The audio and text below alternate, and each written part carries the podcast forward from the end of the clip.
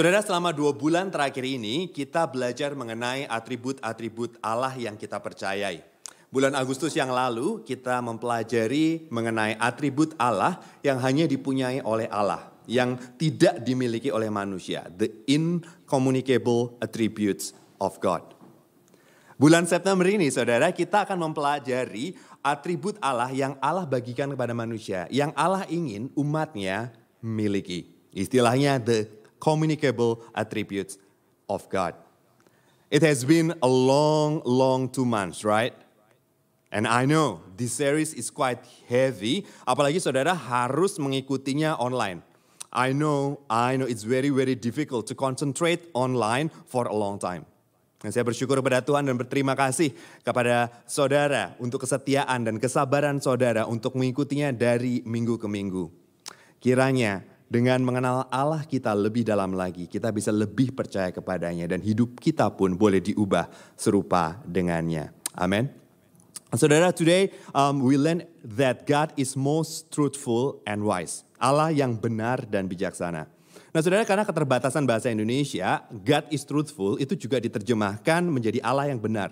Sama seperti dua minggu yang lalu, God is righteous diterjemahkan menjadi Allah yang benar. Ya, mudah-mudahan saudara nggak bingung. Kalau dua minggu yang lalu kita berbicara mengenai hubungan Allah dengan ciptaannya, di mana ia selalu bertindak dengan adil, bertindak dengan benar. He never does injustice. He always live according to the demands of the relationship that he has with his created order. Nah minggu ini saudara kita berbicara mengenai Allah yang benar. Kita akan berbicara mengenai Allah yang sejati. That he is the true God, the real God. Ya, bukan idols, bukan ilah-ilah palsu atau berhala, but the real God, the true God. Yohanes 17 ayat 3, Yesus berkata kepada Allah Bapa, ini doa Yesus kepada Allah Bapa bagi murid-muridnya. Inilah hidup yang kekal itu, yaitu bahwa mereka, murid-murid Yesus, mengenal engkau satu-satunya Allah yang benar dan mengenal Yesus Kristus yang engkau utus. Ya, di sini dikatakan bahwa Allah di mana kita mendapat hidup yang kekal adalah Allah yang benar, Allah yang sejati. Lebih lanjut lagi saudara, di 1 Tesalonika 1 ayat 9, Paulus memberikan kontras antara Allah yang benar, the real God, dengan ilah-ilah palsu. Dia berkata seperti ini. Sebab mereka sendiri bercerita tentang kami, bagaimana kami kamu sambut, dan bagaimana kamu berbalik dari berhala-berhala kepada Allah untuk melayani Allah yang hidup dan benar. Di sini dikatakan bahwa ketika jemaat Tesalonika bertobat, mereka berbalik dari berhala-berhala, idols, ilah-ilah palsu kepada satu-satunya Allah yang benar. Saudara, hanya Allah yang kita sembah dalam Yesus Kristus adalah Allah yang benar. Yang lain yang mengaku Allah itu hanya berhala, hanya ilah-ilah palsu, hanya merupakan ciptaan belaka. Nah, ketika kita berbicara mengenai Allah yang benar, that God is truth, bukan hanya itu saja. Ketika kita berbicara mengenai Allah yang benar, kita mengakui bahwa setiap perkataan Allah itu benar. Allah bukannya yang berdusta, all his word declares the truth. Karena itu dalam doanya, 2 Samuel 7 ayat 28, Daud berseru kepada Tuhan. Ini doanya. Oleh sebab itu ya Allah, engkaulah Allah dan segala firmanmu lah kebenaran. Your words are true. Begitu juga di Yohanes 17 ayat 17. Masih doa Yesus kepada Bapa untuk murid-muridnya. Yesus berdoa, kuduskanlah mereka dalam kebenaran, firmanmu adalah kebenaran. Your word is truth. Your word is truth. Dan karena firman Tuhan adalah kebenaran saudara, Allah itu yang menentukan segala sesuatu itu benar atau salah. Ya, saya baca satu um, chapter dari bukunya Jen Wilkin. Jen Wilkin menulis seperti ini. God is truth, He is its origin and its determiner. What He defines as true is eternally true, unchangingly true. Jadi Allah yang kita sembah adalah Allah yang benar. Dan Allah yang benar inilah yang akan menjadi sumber dari kebenaran. Ia menetapkan apakah sesuatu itu benar atau itu salah. Ia yang menetapkan mengasihi orang lain itu sesuatu hal yang benar dan mencuri itu merupakan perbuatan yang salah.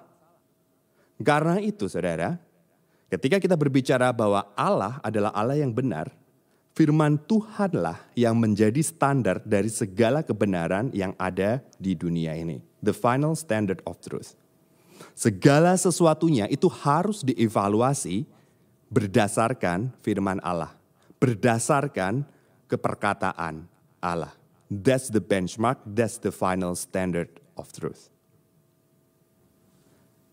Nah, saudara, bulan lalu ketika kita berbicara tentang atribut Allah yang tidak dikomunikasi, tidak di apa ya, tidak dibagikan kepada orang-orang um, uh, kepada manusia, kita tahu bahwa Allah kita itu Allah yang kekal dan tidak berubah, bukan?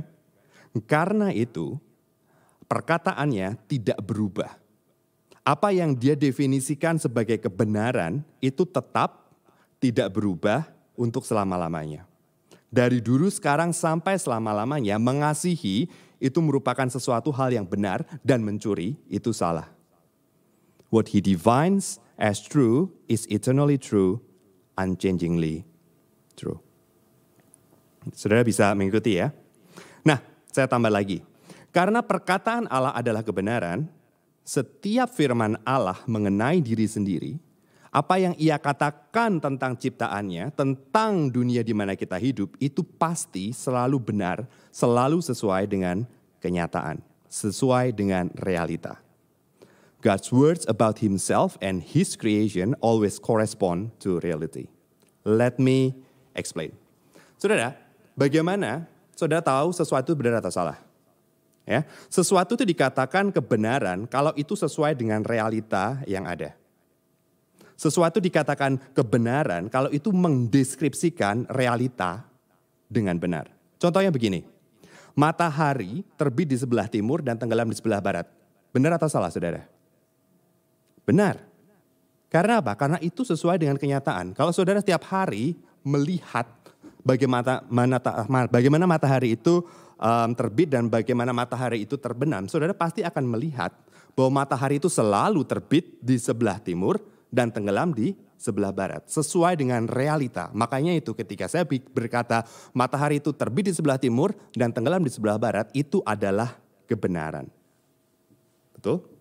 Nah, jadi ketika kita berkata bahwa firman Allah adalah kebenaran, itu artinya bahwa setiap perkataan Allah yang ditulis di dalam Alkitab itu pasti sesuai dengan realita. Pasti mendeskripsikan realita kehidupan ini dengan benar. Let me give you an example. Saudara, di kisah para rasul 20 ayat 35, Paulus itu mengutip satu perkataan Yesus Kristus. Bunyinya seperti ini. Adalah lebih berbahagia memberi daripada menerima. Adalah lebih berbahagia memberi daripada menerima. Betul? Ya. Perkataan Yesus ini terdengar counterintuitif, bukan? Nggak sesuai dengan insting kita. Insting kita berpikir bahwa kita pasti lebih berbahagia kalau menerima. Tetapi Yesus berkata adalah lebih berbahagia memberi daripada menerima. Inilah kebenaran. Entah saudara mau percaya atau tidak, kenyataannya memberi akan membuat seseorang lebih berbahagia daripada menerima. Dan itu terbukti. Misalnya seperti ini, Profesor Michael Norton dari Harvard Business School itu melakukan riset terhadap penduduk Amerika mengenai jumlah pendapatan mereka dan bagaimana mereka memakai uang yang mereka punya. Dan dia menyimpulkan seperti ini. Ini merupakan suatu riset yang established. Dia menyimpulkan seperti ini. Menghasilkan lebih banyak uang itu hanya akan membuat seseorang bahagia lebih dikit. A little bit happier. Tetapi orang yang menghabiskan uangnya dengan generous untuk orang lain, mereka melaporkan punya kebahagiaan yang lebih besar. Dan hasil ini itu konsisten across all income level. Dari orang yang penghasilannya kecil sampai orang yang penghasilannya tinggi, mereka ber, mereka mereka uh, apa ya testify bahwa sungguh ketika mereka memberi tingkat kebahagiaan mereka itu lebih besar. Jadi walaupun kedengarannya aneh di telinga kita, kalau kita mau bahagia, kita memberi dengan ikhlas. Karena apa? Karena firman Allah itu sesuai dengan kenyataan, sesuai dengan kebenaran, sesuai dengan realita. That's why saudara, God's word help us making sense of life like nothing else. Firman Tuhan itu membantu kita untuk memahami kehidupan. God words tell us how life works. If we want to live well, we need to live according to its truth. Oke, okay, mari kita sum up what we've learned so far. Bahwa Allah kita adalah Allah yang benar, Allah yang sejati. Setiap perkataannya adalah kebenaran. Bukan hanya itu saja, ia adalah sumber kebenaran, ia yang menentukan apa yang benar, apa yang salah. Dan apa yang dia katakan, firmannya, pasti sesuai dengan realita kehidupan. Help us making sense of the world we live in. That's it, saudara. Ini yang saya ingin katakan kepada saudara tentang God's truthfulness. Nah, sisa khotbah hari ini saya akan mengajak saudara untuk memikirkan apa implikasinya kebenaran firman Tuhan ini dalam kehidupan kita. Ya, jadi akan saya akan mencoba memberikan tiga implikasi. Kalau Tuhan itu benar dan um, um, berhikmat, ya, um, bijaksana, apa itu implikasinya bagi hidup kita? Nah, yang pertama, implikasi yang pertama, ada kebenaran objektif ada kebenaran yang mutlak di dunia ini. There's an absolute and objective truth. Saudara mungkin saudara di rumah berpikir, doh, it's so obvious. But I think this is not that obvious. Kemarin beberapa hari yang lalu saya membaca gitu ya, um, American Worldview Inventory Research tahun 2020. Jadi ini masih sangat baru. American Worldview Inventory Research. Riset ini melaporkan hanya 48% jemaat gereja Injili, Evangelical Christians, that is us, yang percaya akan adanya kebenaran mutlak yang berlaku bagi semua orang sepanjang zaman. Sisanya 46% menyatakan bahwa kebenaran itu bersifat subjektif, tergantung masing-masing individu. Dan tentunya kalau saudara pintar matematika, saudara tahu ada 6% yang bingung, mereka nggak memberikan jawaban. Saudara, kalau penelitian ini merepresentasikan gereja kita, dan saudara bayangkan bahwa saudara itu duduk di gereja seperti biasanya ya, nggak seperti kebaktian online ini. Setiap orang yang duduk di sebelah saudara itu mempunyai uh, pem, uh, mempunyai pemikiran berbeda dengan saudara, 50-50. Saudara, sebenarnya hal ini tuh kalau kita mau pikirkan, itu nggak mengherankan. Karena apa? Karena saat ini kita itu sedang hidup di zaman postmodern dan zaman postmodern ini percaya bahwa kebenaran itu bersifat relatif, personal, dan subjektif. Saudara bisa lihat ini all over social media and podcast. The truth as I see it. That's the slogan. The truth as I see it. Setiap orang boleh mempunyai kebenarannya sendiri-sendiri. Berdasarkan latar belakang, pengalaman, budaya, agama, dan faktor-faktor lainnya. Saya berikan satu contoh. Um, suatu hari saya bangun feeling masculine. Rasanya pengen pakai kaos dan celana gitu ya, terus denger heavy metals and enjoy weight lift, weightliftings. But some days I woke up feeling totally different. Rasanya pengen perawatan, maskeran, mani pedi, terus dandan cantik, trimming eyebrows, pakai eyeliners gitu, dan pengen nonton romcom gitu. Lalu saya mulai melihat-lihat di internet, dia di podcast, di Instagram, di vlog gitu, kisah hidup um, dari Miley Cyrus atau Sam Smith. And I can identify myself with them. Lalu saya mengambil kesimpulan, I'm a gender fluid.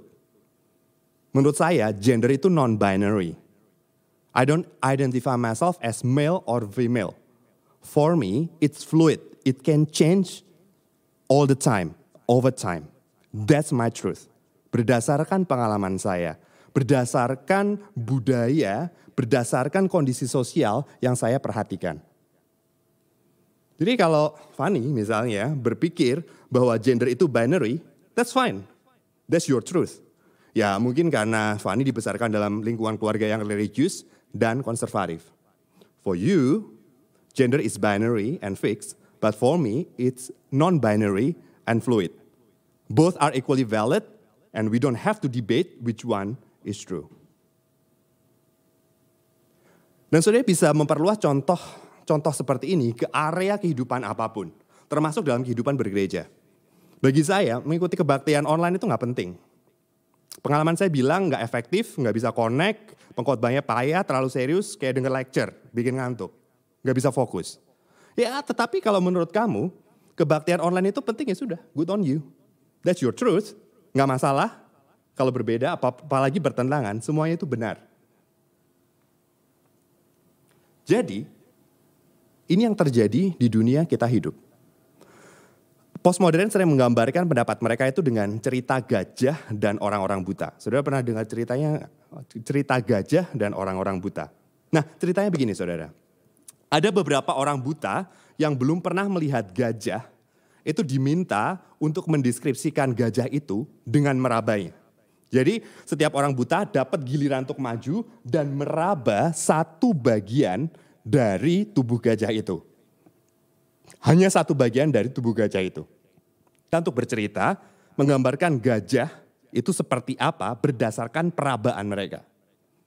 Dan sudah bisa bayangkan tentunya deskripsi mereka begitu berbeda satu sama yang lainnya. Orang yang memegang ekornya bilang, wah ini seperti tali rupanya. Orang yang memegang kakinya mungkin bilang, kokoh seperti pohon. Yang lainnya yang memegang belalainya berpikir, wah ini kayak ular. Yang memegang perutnya berkata, enggak kali, ini kayak tembok. Dan yang memegang tanduknya berkata, bukan Keles, kayak pedang. Tajam. So, postmodern berkata, the moral of the story, semuanya itu benar. Yang bilang seperti tali itu sama benarnya dengan yang bilang seperti tembok. Enggak perlu berdebat, Nggak perlu merasa benar sendiri, semuanya benar. Berdasarkan pengalaman masing-masing. Saudara, saya pikir cerita ini ada satu kebenarannya. Setiap orang berdasarkan pengamatannya itu menyimpulkan sesuatu yang benar. Each person's observation on a certain part of the elephant is correct. Tetapi yang mereka deskripsikan bukanlah gajah. Tetapi apa? bagian tubuh dari gajah, bukan gajah as a whole. And it's wrong to say that any of these people fully describe what an elephant is. Betul? Yang mereka deskripsikan yang benar itu cuma sebagian. At their best, their understanding is partially true. And that's right. Setiap kita saudara, karena situasi dan keterbatasan kita, kita nggak bisa menemukan kebenaran kita sendiri. Karena kebenaran yang kita simpulkan dari pengalaman kita, dari pengamatan kita, itu terbatas. Tapi yang pengamat postmodern ini nggak realize atau they don't want to realize bahwa ada kebenaran mutlak. Sekarang pertanyaannya bagi saudara dan saya. Maukah kita sadar bahwa ada kebenaran mutlak di atas kepentingan, sorry, di atas pendapat kita pribadi. Maukah kita menerima kebenaran Allah? Pandangannya yang komprehensif tentang dirinya dan tentang realita kehidupan ini. Atau maukah kita berpegang pada kebenaran kita yang subjektif, yang berasal dari pengalaman dan pengamatan kita yang terbatas? Saudara, kalau kita mau jujur, it's not easy to truly accept that there is absolute truth outside of us. Mengapa? Saya ada dua, um, I can think of two reasons. Yang pertama, kebenaran subjektif itu membebaskan kita dari otoritas Allah. Kita bisa bebas mendefinisikan kebenaran dan kita bisa hidup sesuai dengan kebenaran yang kita definisikan itu. But I think this is dangerous. Kenapa dangerous? Karena it's dangerous to live against reality. It's dangerous to live against reality. Saya coba berikan contoh kepada saudara. Tahun lalu kita melihat banyak di sosial media, banyak orang yang tidak percaya akan adanya COVID. Mereka berpikir oh, ini just segala konspirasi segala macam segala macam. Mereka nggak percaya kalau ada yang namanya COVID. Mereka berpegang pada kebenarannya sendiri. Dan mereka mengabaikan protokol kesehatan dan akhirnya beberapa dari mereka meninggal karena COVID. Apa sebenarnya alasan mereka meninggal? Karena mereka hidup dalam kebenaran mereka yang personal, yang subjektif, dan kebenaran itu tidak sesuai dengan realita. And finally, reality hits them hard, right? Menolak kebenaran Allah itu membuat kita bebas dari otoritas Allah. Tetapi itu juga membuat kita hidup melawan realita. Dan suatu saat realita akan menghantam kita secara keras. Reality will hit us hard one day. Itu alasan yang pertama. Kenapa it's not easy to accept the absolute truth, God's truth. Yang kedua, saya rasa kita susah menerima kebenaran mutlak karena kebenaran kita itu terasa benar bagi kita. Maksudnya gini, I think bahasa Inggrisnya lebih enak. Our subjective truth itu feels right, feels real as it comes from our own experience. It can't be wrong because this is how I feel. This is what I feel. But then again, saudara, kalau saudara bisa menangkap ilustrasi cerita orang-orang buta dan gajah tadi, kita perlu sadari bahwa pengamatan kita itu at best terbatas, at best only partial truth, at worst blatantly wrong. Sedangkan firman Tuhan, kebenaran dari Tuhan itu komprehensif dan sungguh-sungguh benar sesuai dengan realita. So, If we want to live well in, in God's word, we have to acknowledge and live according to his truth. Ini implikasi yang pertama. Supaya kita sadar bahwa kita hidup di zaman yang me mendewakan kebenaran-kebenaran pribadi dan mengesampingkan kebenaran mutlak. Kita belajar untuk mengesampingkan kebenaran-kebenaran kita yang subjektif untuk menerima kebenaran Allah yang mutlak, yang komprehensif, dan yang benar. Itu yang pertama. Implikasi kedua, saya akan mengajak saudara saat ini untuk membayangkan. Ya. Coba saudara bayangkan, kalau setiap orang itu hidup dengan pendapatnya sendiri. Apa yang akan terjadi dalam masyarakat? Nggak usah, mungkin nggak usah mikir dalam masyarakat, dalam keluarga aja kalau setiap orang itu hidup dengan pendapatnya sendiri dan pendapatnya itu beda, apa yang akan terjadi? Chaos and confusion. Kekacauan dan kebingungan bukan? Begitu ada banyak kebenaran, no konsensus, nggak ada arah. And how are we gonna live? Among so many truths. Just trust our feeling, suara mana yang kita mau ikuti. Karena itu, more than anything, kita perlu firman Tuhan untuk menuntun hidup kita. Daud dalam Mazmur 119 ayat 105 dia berkata seperti ini. Firmanmu itu pelita bagi kakiku dan terang bagi jalanku. Ya, di dalam kegelapan zaman postmodern ini, kita butuh lampu yang menerangi dan mengarahkan langkah hidup kita, bukan? Dan lampu itu adalah kebenaran firman Tuhan. Firman Tuhanlah yang menerangi dan menuntun jalan hidup kita. Now, I want us to reflect, ya, in these past years or so, how do we navigate our lives? What influences our decision making process? Apa yang mengarahkan hidup saudara? Bagaimana saudara mengambil keputusan? Oke, okay. is it Google? Oke. Okay. Begini saudara, kita itu hidup di dunia yang penuh dengan informasi. We are living in an information overload world. Kemajuan teknologi itu membuat informasi dari yang paling benar dan sampai yang paling kacau itu tersebar dengan mudah dan dengan cepat. Karena saking banyaknya saudara, nggak mudah untuk kita membedakan mana yang benar dan mana yang hoax. Dan bukan hanya itu saja saudara. Kemajuan teknologi itu membuat semua orang itu punya platform untuk mengungkapkan kebenarannya. Untuk mengungkapkan pendapatnya. Entah itu yang biblical, entah itu yang semi-biblical, atau yang totally wrong. Twitter, IG, IG Story, IG Live, podcast, vlog, YouTube. Dan belum lagi Netflix itu menawarkan begitu banyak hiburan.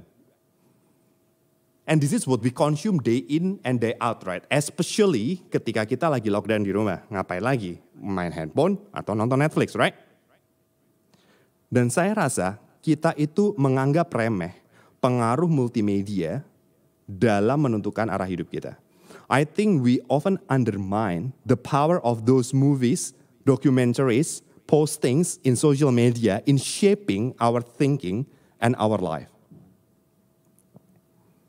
Kalau kita mau jujur meneliti hidup kita, rasanya multimedia itu lebih membentuk hidup kita daripada firman Tuhan. Let me argue my case. Yang pertama, ini yang paling gampang, ya. Kita itu jauh lebih mengkonsumsi entertainment dan sosial media daripada firman Tuhan. Let's be honest. Mana yang lebih nempel di otak kita kalau kita 6 jam sehari bermain HP atau tiga jam seminggu merenungkan firman Tuhan. Itu kalau misalnya satu setengah jam kebaktian benar-benar fokus dan 15 menit devotion every day. Mana yang lebih nempel? Yang kita konsum 6 jam sehari atau yang kita konsum 3 jam seminggu? No brainer yang kita konsum 6 jam sehari. Dan saudara tahu apa itu kan ya, saya nggak perlu jelaskan. Itu. Yang kedua, sosial media itu mengubah perspektif kita itu dengan sangat subtle, dengan sangat halus, dan dengan tidak ketara. Maksud saya begini, kalau saudara mendengar khotbah seperti hari ini, saudara pasti sadar kalau saudara sedang dikhotbahin. Saudara sedang diyakinkan akan suatu kebenaran dan saudara akan digiring untuk melakukan ini dan itu. Jadi kalau saudara nggak suka, saudara bisa defensif, saudara bisa switch off. Tetapi ketika kita sedang mengkonsumsi media, saya rasa saudara tidak sadar kalau saudara sedang dibentuk. Opini saudara itu sedang digiring pelan-pelan. Benar nggak? Benar. And how? Many ways. I only want to highlight one. True story. Entah itu testimoni di um, di podcast atau well written movies, story captivates our emotions and shape our imaginations and action for good or for ill. Cerita yang bagus itu membuat hati kita tersentuh. Dan tanpa kita sadari, itu perlahan-lahan mengubah pikiran kita dan perbuatan kita. Saudara coba bayangkan, ya, saudara mungkin mendengar interview di podcast atau saudara bayangkan saudara sedang um, nonton movies. Ceritanya itu sangat memilukan. Ya, seorang kakek berumur maybe 60 atau 70 mengalami gejala awal penyakit Lou Gehrig. Penyakit yang akhirnya akan membuat otot-otot itu lemas dan tidak berfungsi bahkan bernafas pun susah. Ya, saudara melihat gitu bagaimana ketakutannya, bagaimana ketakutannya kalau suatu saat otot-ototnya lumpuh sehingga nggak bisa berjalan, nggak bisa berbicara, nggak bisa menelan, bahkan bernafas pun susah. Sudah mendengar atau sudah melihat ketakutannya kalau merepotkan seluruh anggota keluarganya. Bahwa dia sangat tergantung kepada keluarganya yang mempunyai masalah sendiri. Dan saudara mendengar keinginannya untuk boleh meninggal secara terhormat. Dilihat oleh anak dan cucu-cucunya masih sehat. Bukan sebagai orang yang tidak berdaya. Bahkan bernafas pun susah. Sudah mendengar keinginannya untuk um, euthanasia, untuk assisted suicide, untuk mengambil nyawanya sendiri. Ditambah mungkin kalau di film gitu ada satu tokoh antagonis, orang pendeta yang dingin yang nggak peduli dengan penderitaan yang hanya berkata bahwa hidup itu punya Allah. Jadi kita tidak bisa mengambil nyawa kita sendiri. Tanpa sadar, ketika saudara mendengar podcast seperti itu atau sudah men men menonton film seperti itu, saudara akan digiring opininya untuk memaklumi keinginan pensioner tersebut dan mengubah perspektif saudara tentang euthanasia, tentang assisted suicide. Apa sih salahnya? Itu kan pilihan pribadi, nggak merugikan orang lain. Itu meng bahkan mengangkat beban diri sendiri dan beban keluarga. I think it's okay to live to end life this way. Actually, this is the right thing to do. Right? Perspektif kita berubah menjauhi kebenaran firman Tuhan karena apa? Karena pengaruh cerita. Lalu bagaimana saudara? Bagaimana supaya hidup kita tidak dibentuk oleh multimedia, tetapi oleh firman Tuhan? Saya rasa tidak ada jalan lain Selain kita tuh sungguh benar-benar merenungkan firman Tuhan dan membiarkan firman Tuhan itu yang membentuk cara pikir dan hidup kita. As boring as it sounds, that's what we need to do. Bukan cuma sekedar membaca firman Tuhan sebagai suatu rutinitas kewajiban agama dan sekedar mencari aplikasi praktis. Tetapi kita memikirkannya sungguh-sungguh dan berusaha melihat hidup kita dari kacamata firman Tuhan dan melihat um, firman Tuhan dari kacamata kehidupan kita. Both ways. Saya coba memberikan satu contoh bagi saudara. Mazmur 139 ayat 13. Daud berkata, Sebab engkaulah yang membentuk buah pinggangku, menunun aku dalam kandungan ibuku. Ini merupakan um, um, apa ya Mazmur Daud. Dan rasanya nggak ada aplikasi praktis dari ayat ini bukan?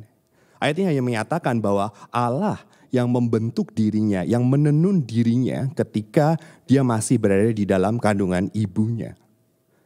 Tetapi ketika kita sungguh pikirkan dan renungkan firman Tuhan ini, kita akan bisa merasakan keterlibatan Tuhan, penyertaan Tuhan, dan kasih Tuhan dalam hidup kita. Even, even sebelum kita dilahirkan kita bisa berkata, I'm not an accident. I'm not a cosmic accident. I'm not a mistake.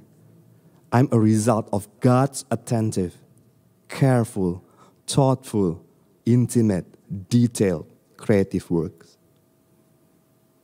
Dan ketika kita memikirkan ini sungguh-sungguh, kita bisa bersyukur dan bisa menerima diri kita apa adanya. Maybe we don't like about our nose. Maybe we don't like our eyes. Maybe we don't like our legs. We see them as flaws. Tapi sekarang kita bisa melihatnya sebagai pekerjaan tangan Tuhan. Di tengah dunia yang sangat mengagungkan appearance and beauty, kita nggak merasa rendah diri. Kita nggak merasa iri hati. Dan kita nggak obses mengejar cosmetic surgery. Mari saudara, seperti yang Paulus perintahkan di Roma 12 ayat 2 Biarlah dari hari ke hari pikiran kita diperbaharui, diubahkan sehingga kita itu bisa membedakan mana yang benar, mana yang salah. Kita bisa mengenal mana yang menjadi kehendak Allah, yang baik, yang sempurna dan berkenan kepada Allah. Saudara, ketika kita mengakui kebenaran Allah dan firman-Nya, ayo kita terus renungkan firman Tuhan sampai kita itu bisa membedakan semuanya itu. Truth from wrong, right from wrong. Dan ketika kita mengkonsumsi media sosial pun kita bisa tahu, I think this is okay. But not that one. Although it looks appealing, it's wrong. We need God's word to guide our lives, our paths. Itu implikasi yang kedua. Dan implikasi yang terakhir, God's truth is not always convenient for us. However, we still need to trust God and His words. Saya rasa kita semua tahu bahwa firman Tuhan itu nggak selalu nyaman bagi kita. Bahkan sering kali counterintuitive, mengusik kenyamanan kita dan mengganggu kebebasan kita. Ya, we all know this. Pasangan harus seiman, not convenience. Saya dulu pernah pacaran dengan orang yang seiman, mengecewakan, dan sekarang ada cowok atau cewek di depan saya yang berbeda iman. It feels right. So, apakah harus stick dengan pasangan yang seiman? That's not convenient. Counterintuitive. Right? Walaupun demikian, kita tetap harus berpegang kepada firman-Nya. Karena firman Tuhan itu bukan saja benar, tetapi firman-Nya itu baik bagi kita. Salah satu atribut Tuhan yang kita unfortunately nggak bisa bahas di seri khotbah ini, bahwa Tuhan itu baik. Dan karena itu firman-Nya pun baik bagi kita. Bukan cuma sekedar benar, tapi itu baik bagi kita. Let me give you an example. When we are wronged by other people, what does our sense tells us? Play victims and take revenge. Betul? Rasanya itu nyaman banget kalau melihat orang yang melukai kita itu jatuh. Apalagi nasty fall. Jadi ketika firman Tuhan mengajak kita untuk mengampuni, kita merasa nggak nyaman. Nggak melawan feeling. It can be right to forgive someone who has destroyed my life. Dan ketika itu kita punya dua pilihan. Percaya akan feeling kita atau percaya akan firman Tuhan dan kebenaran. Ketika kita pilih mengikuti feeling kita, kita akan merasakan kepuasan sesaat. But in the long run, it destroy our life. Hidup kita akan dipenuhi dengan kebencian, kepahitan, kemarahan, dan ketidakpuasan. Bahkan ketika kita sukses menghancurkan hidup orang yang menyakiti kita, kita pun hanya akan merasakan kepuasan sesaat. Selebihnya kekosongan hidup yang luar biasa. That's the truth. We can't escape from that. Tetapi kalau kita pilih mengikuti firman Tuhan, we will be struggling. Kita akan merasa nggak nyaman. Kita akan merasa itu tuh counterintuitive. Begitu susah proses memaafkan itu. Tetapi dengan kekuatan firman Tuhan dan oleh kuasa roh kudus, kita akan bisa mengampuni dan menyerahkan pembelasan di tangan Tuhan. Dan ketika itu terjadi, kita akan merasa lega. It will heals you. Definitely. Because that's truth. Because that's the reality of life. Firman Tuhan itu nggak akan senantiasa nyaman. Seringkali itu inconvenience for us. But we need to trust God. We need to trust His word. Karena bukan saja saudara, Allah kita itu Allah yang benar dan baik. Allah kita itu Allah yang bijaksana. Dan saudara tahu apa artinya bijaksana? a wise God will always bring about the best result and brings about these goals through the best possible means. Ketika kita berbicara bahwa Allah kita Allah yang bijaksana, dia punya tujuan bagi hidup kita dan itu tujuan yang terbaik. Dan ia akan mewujudkan itu dengan cara yang terbaik juga. Saya nggak tahu apa yang sedang terjadi dalam hidup saudara pada saat ini. Mungkin mempercayai firman Tuhan itu membawa kesulitan dan dan apa ya penderitaan dalam hidup saudara. Saudara merasa nggak nyaman, tertekan, mungkin saudara kehilangan kesempatan ini dan itu. Tapi percayalah saudara, Tuhan itu punya tujuan yang indah. Satu hal yang pasti, Tuhan ingin mengubah hidup saudara dan saya menjadi serupa dengan dia. And it's great right to be like God. Dan apa pun yang kita lewati hari ini, itu merupakan cara terbaik untuk menuju ke sana. There's no other way. There's no better way. Or else God will bring about that way to for you. Sudah beberapa tahun yang lalu saya pernah jalan-jalan ke Mornington malam-malam habis hot spring bareng beberapa teman. Dan ternyata ada perbaikan jalan sehingga bisa pulang lewat jalan yang biasanya. Jadi harus ditur. Untung waktu itu ada GPS ya dan belum ada Google Map waktu itu jadi harus pakai GPS itu. Dan mulailah kita jalan. Kita kita jalan, mulai kita melewati jalan yang kecil. Jalan yang gelap, ya kita belok kiri, belok kanan, dan gak ada mobil yang lain. Nah, saudara yang di belakang itu mulai resah. Mulai tanya, bener gak ya? Kok semakin lama jalannya semakin kecil? Kok malah kayak masuk ke hutan gitu, gak pulang? Ya bener, dilihat kiri kanan gelap, gak ada rumah sama sekali. Jangan-jangan GPS-nya ngaco nih. Kita pun sempat berhenti. Apa muter balik aja lah ya. At least we know where we were. Tapi susah juga karena kita udah jalan lumayan lama. Kita habis akal gitu kan. Akhirnya ya udahlah ya, nggak ada option lain. Kita tetaplah ikuti GPS itu. Let's trust this GPS. Walaupun yang kita alamin itu lumayan worrying. Kita nikung kanan, nikung kiri, gelap di sekeliling kita, malah jalannya jadi berbatu-batu. Dan lumayan ngeri. Selang berapa lama, mah baru mulai kelihatan ada rumah-rumah. Mulai ada lampu jalan dan akhirnya kita masuk ke main road. Saya rasa begitulah hidup dalam kebenaran firman Tuhan. Nggak selamanya predictable, nggak selamanya nyaman. Seringkali kita merasa lost, kita merasa sering kali merasa nggak yakin ini jalan bener nggak. Kalau jalan Tuhan kok gelap, kok berbatu-batu, kok curam. Dan pada saat itu kita tergoda untuk meragukan kebenaran firman Tuhan. Bener nggak? Apakah ini benar-benar benar? Tapi percayalah saudara bahwa Tuhan itu nggak pernah salah. He is the most truthful God. He never lie. Dan seperti GPS, kebenaran firman Tuhan akan menuntun saudara dan saya menuju kebaikan, menuju serupa dengan Kristus. Mari saya tutup dengan satu quote dari C.S. Lewis. C.S. Lewis pernah berkata seperti ini. If you look for truth, you may find comfort in the end.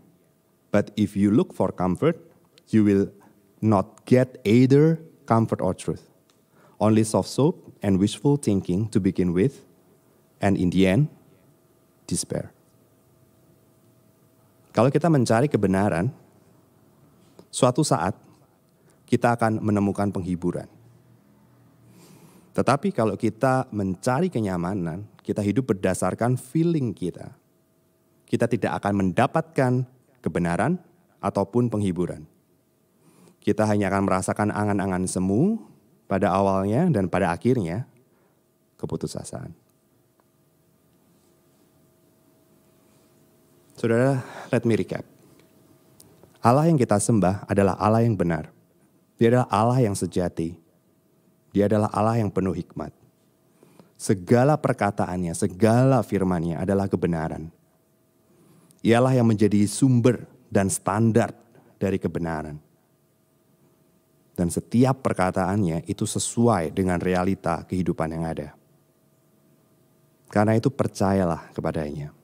Percayalah ada kebenaran yang yang yang apa ya, yang mutlak, yang di atas kebenaran kita sendiri yang limited and finite and flawed.